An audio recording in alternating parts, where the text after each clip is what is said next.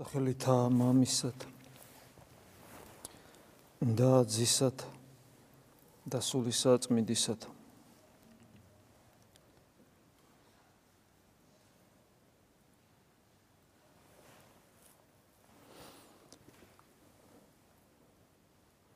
ძალიან რთულია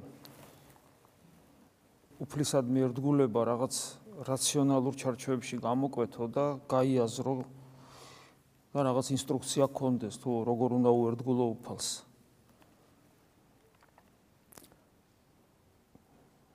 ამას მრავალი მიზეზი აქვს და ერთ-ერთი მიზეზი არის ის, რომ იგი ერთდროულად არის ღმერთთან ერთად ამავე დროს არის ადამიანიც. და ეს უამრავ სირთულეს ქმნის ჩვენს სულიერ და რელიგიურ ცხოვრებაში.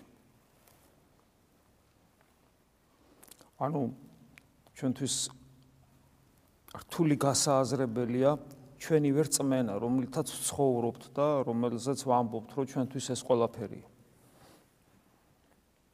აი დღესაც აღმოვიკითხეთ წმინდა წერილიდან თუ როგორ იწყება ეს უფლის უნებები და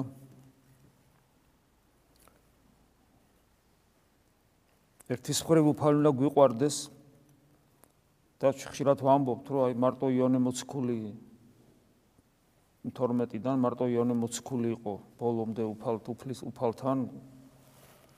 გოლგოთაზე ჯვარცმის წინ. ვაშერცა ყველანი დანარჩენი დაიფანტენ. ну შეეშინდათ ასე ვთქვათ. და რა თქმა უნდა ეს ცუდია. მეორე ხრივ და ასევე პეტრეს საქციელი, ვაგერ ნახეთ დღესაც წავიკითხეთ. რა თქმა უნდა, ამას თავის წინაპირობა აქვს პეტრეს ესე რომ დაემართა, მაგრამ ნუ ფაქტია რომ ეს დაემართა. ამავე დროს იგივე პეტრე, როდესაც ცდილობს რომ უფალს გადაათქმეინოს, ნუ ეს ხვაწლი, ჯვარცმისა, ან თქვათ מחვილს აიღებს რომ დაიცვას უფალი, ესეც არასწორია. უფალს ესეც არ მოსწონს. ამიტომ უფლისადმი ერთგულება ძალიან რთულია. მას ძალიან დიდი სიბრძნე სჭირდება. და არც თეორიული განსწავლაა საკმარისია მისათვის და არც უბრალოდ რელიგიური ცხოვრება. კიდევ სხვა რამეა საჭირო. ადამიანი ქრისტიანობას იწყებს სასწაულებრივად, რომ ხშირად გვითხოვს გულმა დაგიდასტურა, რომ იესო ღმერთია. და აი ამის შემდეგ, ამის შემდეგ ლოგიკურია, რა თქმა უნდა, და გიჩდება სურვილი მას უერთგულო. და ყველაფერი მე აქედან იწყება. შენი ცხოვრებით ღმერთი ადამიანად მოსული ღმერთი განადიდო. და აი ეს როცა იწყება, ეს როცა იწყება, მე რეიწყება სულიერი ცხოვრება. და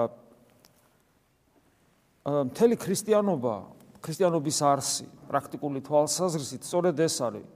როცა, იმიტომ რომ ჩვენ ეს პირველი, პირველი ნაბიჯი, როცა ჩვენს გულს უფალი ეხება და ჩვენ რატომღაც ვიცით, რომ იესო ქრისტე ღმერთია, ეს საიდუმლოებაა, რომ ჩვენ არ ვიცით ეს როგორ ხდება რანაირად, მე მოვდივარ ჩვენ და აი მე მთელი ქრისტიანობის ტრადიცია სწორედ ეს არის, რომ მე რა გავაკეთო? როგორ უერთგულო მე უფალს? როგორ ვერდგულო? უფალს რომ ის პირველი ცოდნა რომელიც მომეცა გულის გულში ეს ინტუიციური ცოდნა მადლისმიერი ცოდნა გამოცხადებითი ცოდნა რომ იესო ქრისტე ღმერთია აი ეს რომ მომეცა ეს ცოდნა ეს რომ სწორად რეალიზდეს. და თუ ჩვენ ეკლესიის ისტორიას გადავხედავთ ჩვენ უცნაურ ამას აღმოვაჩეთ ნახავთ უამრავ ადამიანს ეკლესიის ისტორიაში რომელიც ისტორიამ დააფიქსირა თორე ისტორია ხო ყველაფერს არაფიქსირებს როგორ ხდებოდა ის რომ თავიდან ადამიანებში ეს წმენა ჩდებოდა ღვთისყალობითა და მადლით? და მე ადამიანები როგორ კარგავდნენ ჭეშმარიტ წმენას ჭეშმარიტ სწორ დამსწორ დამოკიდებულებას უფლისამი უფლის მიმართ და იმ ცოდნას რომელიც მათ ღვთისყალობით დაუმსახურებლად ეძლეოდათ რითაც ისინი ქრისტიანები ხდებოდნენ მე როგორ კარგავდნენ არასწორი ქრისტესადმი არასწორი დამოკიდებულებით, შესაბამისად ქრისტესადმი არასწორი ერთგულებით. აი ჩვენ რო პეტრე ვახსენეთ, ნუ იუდა თავის თავად ეხა, მაგრამ იუდა საბოლოოდ მოწყდა, მაგრამ ჩვენ რო პეტრე ვახსენეთ, აი პეტრეს ეს შეცდომები სწორედ აქედან გამომდინარეა. და საინტერესო ისაა, რომ პეტრე რაღაც ესეთი მასწავლებელია ჩვენი. პეტრეს ეს შეცდომები, რომ არაუფალო ნუ იქნება ესე რომ შენ ესე იგი მოკვდა ჩვენთვის და ესე იგი ყველამ რომ დაქტოვოს, მე არ დაქტოვებ და მე კიდე ამ კაც არ ვიცნობ და მარტო ამით არ დამთავრებულა. მერეც გაგზელდა.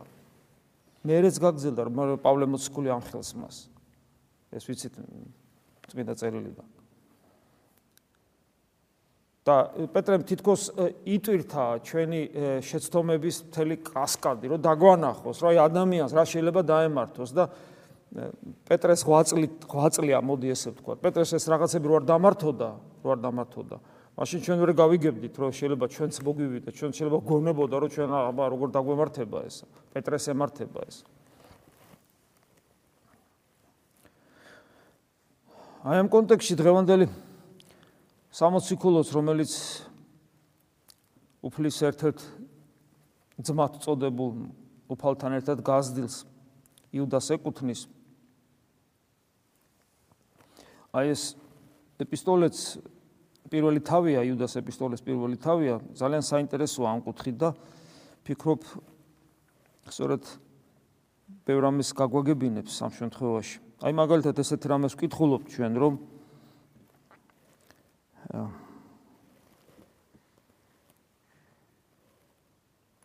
იბრძოლოთ, უნდა იბრძოლოთ რწმენისათვის, რომელიც მოგეცათ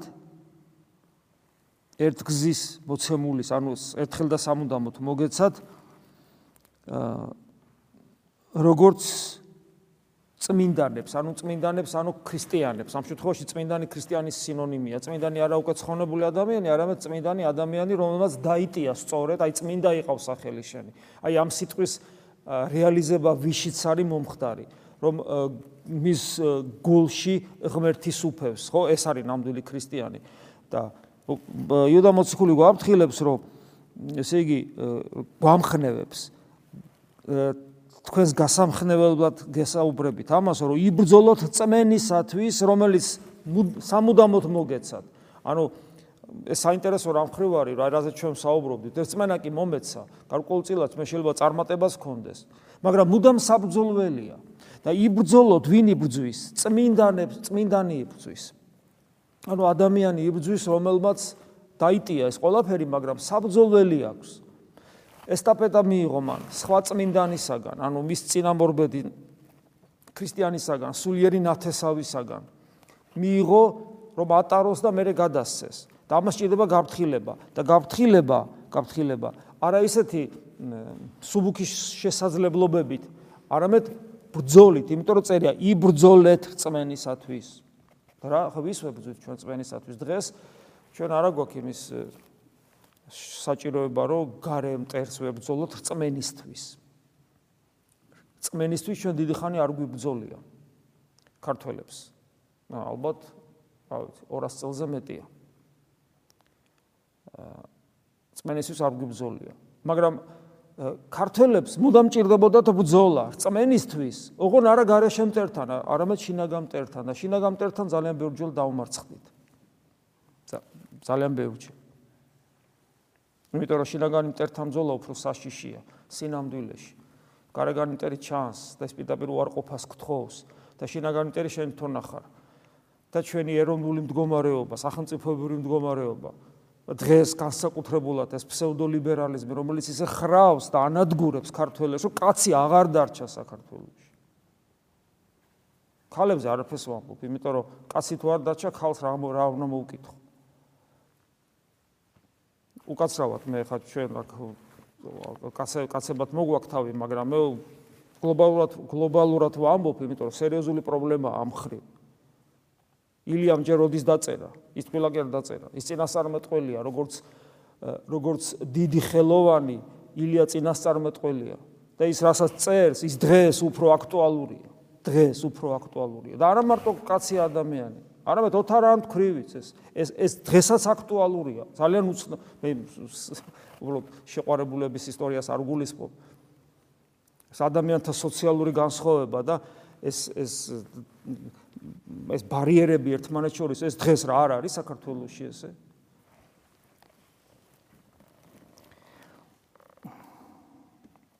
და მოკლედ ესე საბძოლველი გვაქვს. საბძოლველი გვაქვს და მე აგძელებს რომ შემოიპარენ ზოგიერთი ადამიანები ეკლესიის წიაღში. რომლებსაც რომლებიც უხთონი არიან, მე ყველაფერს არ არ ვკითხულობ. და აი აქ არის ძალიან საინტერესო სიტყვა. რომლებიც გარდააქცევენ ღვთის მადლს ღვთისასა ჩვენსასა ანუ ღვთის მადლს გარდააქცევენ არაწმინდებად არაწმინდებად. ანუ თანამედროვე ქართულად ესე არის რომ ღმერთის მადლი მათ აი უცხო ადამიანებს ანუ ეკლესიაში მყოფ ადამიანებზე საუბრობს და ეს უცხო ვინ არის ხო პეტრესავით არ მოგვივიდეს რომ ყველამ რომ მიგატოვოს მე არ მიგატოვებ და თვითონ ჩაიდენა ყველა ეს მეტი საშინელება ანუ უცხო რომელიც რომელიც აი ნახე უცხო რომელიც არის უღვთო, რომელიც ეკლესიაშია, რომელიც ღვთის მადლს გარყვნილებად გადააქცევს. და რატომ? რატომ? რატომ აქცევს ის ღვთის მადლს გარყვნილებას? გარყვნილებად. იმიტომ რომ იმიტომ რომ აა ესე იგი უარყოფენ ჩვენს ერთადერთ მეუფეს, უფალს იესო ქრისტეს. ანუ ქრისტეს უარყოფელები არიან. ეკლესიის წიაღში არიან ქრისტეს უარყოფელი ადამიანები, რომლებიც ღვთი, რომელთაც ღვთის რომლებშიც ღვთის მადლი იყო, ან შენახებია მადლზე, მათი მდგომარეობა, მათი ბუნება, მაგრამ ისინი არაწმინდებად გადააქცევენ. ამაზე ჩვენ ძალიან ხშირად გვისაუბრია სხვადასხვა კონტექსში, რომ ადამიანი ეკლესიის წიაღში ისეთ რამეს გძნობს და განიცდის, რაც მას სხვაგან არ უნახავს. პირველ რიგში მას მის გულს უფალი შეეხო და მოვიდა. და იესო ქრისტე რო ღმერთია ეს იცის.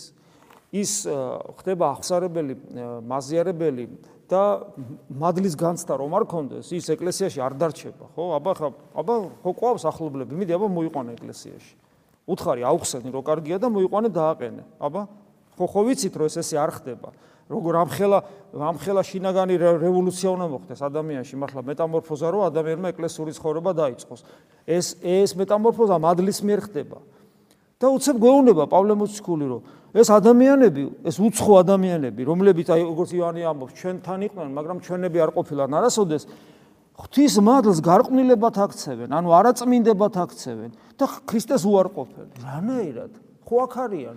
ხო ხო მადლის ზემოქმედების ქვეშ არიან. და ეს ეს არის პრობლემა ზუსტად რომ სინამდვილეში, სინამდვილეში აი უარყოფენ ქრისტეს უარყოფელი რომ არის ადამიანი. ქრისტეს უარყოფელი. ის კარგავს მადლს და მადლით მოვიდა, მაგრამ ქრისტეს უარყოფელად დარჩა და მადლი მისგან განეშორა და ის მადლის მომხმარებელი იყო ადამიანი ცოტა ხანი. რაღაც განსხვავებულ სიცოცხლეს გზნობდა, რაღაც გარკვეულ ეიფორიასაც გზნობდა, იმიტომ რომ მადლს ხო სიხარულიც ახლავს, ხო? ხო ახლავს ესია. და აი მე ამის მერე უკვე, რადგან ქრისტეს ვერ უერთგულა და უარყოფს იესო ქრისტეს. ნახეთ როგორ არის ერთადერთ ერთადერთ მეუფეს. ერთადერთ ღმერთსა და მეუფეს, ერთადერთ ღმერთსა და მეუფეს ჩვენს უფალს იესო ქრისტეს უარყოფენ. ანუ იესო ქრისტეს როგორც ღმერთს კაც უარყოფენ. წმინდანები, წმინდა მამები გვასწავლიან, რომ მადლის ჩვენში ყოფობისა და დამკვიდრებისათვის, რომ განუშორებლად ჩვენში საფრთხო მადლი იმყოფებოდეს, ჩვენ უნდა ვერდგულებდეთ იესო ქრისტეს. ამას უფალიც ამბობს, ხო, სადაც ძე ღვთისა იდიდება, იქ მერე მადლი მოეფინება. და აი ეს ერთგულება, ეს ერთგულება გვიჭირს ყველაზე მეტად ჩვენ ჩვენი უფლისა. შესაბამისად ჩვენში მადლი არ მკვიდრდება, არ ჩერდება, მიუხედავად ამდენი ზიარებისა, ამდენი ეკლესიური ცხოვრებისა. და შედეგად რას ვიღებთ? ჩვენი დაცემული ბუნება იწખებს მზაკრულად საკუთარი თავის გამოვლინებას ეკლესიის წიაღში. იმიტომ რომ ჩვენი დაცემული ბუნება უნდა მოკვდეს და არ კვდება, არ კვდება, იმიტომ რომ ის მადლით კვდება და მადლს მადლი არ ჩერდება, იმიტომ რომ ქრისტეს ვერ ვერდგულებ. არა ვარ თანმიმდევრული რწმენაში. ვცდილობ რომ რაღაც აი ქრისტიანიც ვიყო და ამასოფლის სიყვარულიც მქონდეს. და საერთოდ მე რო გადავხედავთ ეკლესიის ისტორიას, სულ ესე ხდება. მე კვირას კვირას რო ვისაუბრეთ იმ მიმდინარე მოვლენებზე რა რა უბედურებაც ხდება.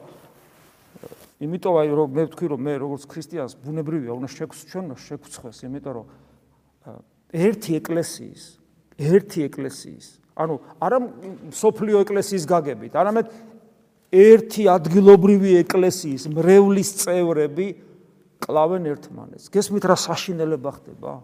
ამიტომ არის რომ აი ეს სიტყვები ხო სიტყვები რომ მადლს ესე მადლს გარყვნილებად აქცევენ და უფალს უარყოფენ. ეს სიტყვები ძალიან ძალიან ისეთი გულში მომხვედრი სიტყვებია და რა ვიცი ფიქრობ რომ ჩვენთვის გამაფრთხილებელია. ეს არის და ამიტომაც ის ჯვარცმის ჯვარცმის ხა ბნების შვიდეულიც მოვა და რა ისე გულგრილად გავივლით გამოვივლით. და მე მე ესა იუდა მოციქული გვახსენებს ესეთ რამეს რომ და სამი მაგალითი მოყავს. სამი მაგალითი მოყავს. ერთი როდესაც ეგვიპტიდან გამოიყვანა ებრაელები უფალმა ესე იგი წარმოიდგინეთ ვისაც წაკითხული გაქვთ ეს რა რა საოცრება ხდება მათი გამოყვანა როგორი განსასვიფრებელი სასწაულია. ზღვა გაიპო კაცო ზღვა გაიპო და ეს ში გაიარეს. და მე დაიხურა ეს ზღვა და იმიტომ მოხდა ეს ყველაფერი, რომ ისინი მაინც მომკვდარი იყვნენ ისე რომ აღთქმულ ქვეყანაში არ შესულიყვნენ. დიახაც, ისინი მაინც ანუ აი მხელა რაღაცები მოხდა მათ ცხოვრებაში და სულ ტყვილა. მაინც ისინი ვერ შევიდნენ აღთქმულ ქვეყანაში. მაინც მათი ძოლები დაცვივდა უდაბნოში. 40 დღე ესე წრეზე ატარა უფალმა. არ შეიყვანა. დამას იუდამოციკული ჩვენს გასაფრთხილებლად ამბობს, რომ ჩვენ კი მოვედით აგერ თითქოს ეს გავიარეთ ამ ნათლობის ზღვაში. მაგრამ ეს არაფერს არ ნიშნავს ჯერ. მე რე ანგელოზებზე საუბრობს, რომელმაც ესე იგი საკუთარ თავს არ გაუფრთხილდნენ და თავიანთ სავანე მიატოვეს ფაქტიურად და საუკუნო ბორკილებში წვდიაჩი გარიან გამოკეტილები განკითხვის დღემდე. ანუ სატანაზე და მის ანგელოზებზია. მე რე სოდომ გომორას ახსენებს. სოდომ გომორს ახსენებს. და ესე იგი ასევე ისინი უფალი უყურებდა, უყურებდა, უყურებდა და მე ნუ ცეცხლით დაისაჯა, რომელიც მარადიული ცეცხლის სიმბოლოა ჩვენს გასაფრთხილებლად და უცებ сахарებისეული მაგალითი მახსენდება, რომ ქრისტეს უარყოფელი უარეს დღეშია ვიდრე სოდომელი და გომორელი. გახსოვთ უფლის სიტყვები. ქრისტეს რო ვერ ხედავს ადამიანი, ის უარეს დღეშია კი. და მე მსგავსადვეო საუბრობს არასწორად მაცხოვრებელ ქრისტიანებზე, ეს მეოცნებებიცო, აი ესეთ სიტყვას ამბობს, ეს მეოცნებები რომლებიც ბილწავენ ხორცს და წმინდა მამები ისე ისე განმარტავენ ამ სიტყვას იმ განმარტებას აი დავიდო წმინდა მამის ტექსი ვერ წაგიკითხავთ. ისე განმარტავენ ამ სიტყვებს. ძალიან მძიმედ. აი სიტყვის მასალაც კი ძალიან ძიმია. ანუ რა რა ცოდვებზეა საუბარი აქ. პირდაპირ ამბობენ, უბრალოდ ფიქრე როგორ წერენ მეთქი წინა მამები ასეთ რაღაცებს. ისეთ საშინელ რაღაცებს წერენ, რომელშიც რაშიც იგულისხმება ეს, ესე იგი მეოცნებენი, რომელიც ხორცს ბილწავენ.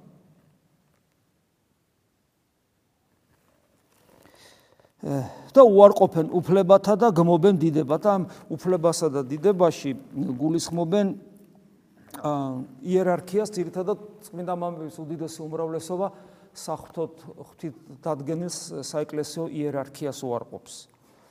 და ხა ჩვენ ვიცით, ხა ესეც ვიცით ჩვენ რომ როგორ არის მაგალითად როგორ როგორ უწევს ეკლესიას ბრძოლა ხორციელი კარყმელებების წინააღმდეგ და განსაკუთრებულად გაუკუღმართებული კარყმელებების წინააღმდეგ, რომელიც ასე მოდებულია სამყაროში, რომელიც ლამის ნორმად იქცა თანამედროვე ცივილურ სამყაროში, რომ ესე იგი ჩაოლებრივი ნორმაა, რომ კაცი კაცია თუ ქალი, მაგრამ ვერ გაიგებ, კაცი კაცია თუ ქალია და ასე შემდეგ და ეს იდეოლოგია ჩვენ თვალწინ, როგორ ყნის ჩვენ შვილებს როგორ ყნის ჩვენ შვილებს და ჩვენ კიდე იმდენად უსუსურია ჩვენი სიტყვა ეკლესიის იერარქიის სიტყვა იმდენად უსუსურია რომ გავლენა არ აქვს ამას ჩვენი ბრალია რა თქმა უნდა. მაგრამ აი ამ კონტექსტშია დღეს რომ ესე იგი ვინც აი ხორციელად არა ჯანსაღად ცხოვრობს და ნორმად წარმოაჩენს ის უარყოფს ეკლესიას იმიტომ რომ უარყოფენ უფლებათა და გმობენ დიდებად სამაში საეკლესიო იერარქია იგულისხმება აი აქაც არის ეს დაპირისპირება ხორციელ გაუკუღმართებებსა და საეკლესიო იერარქიას შორის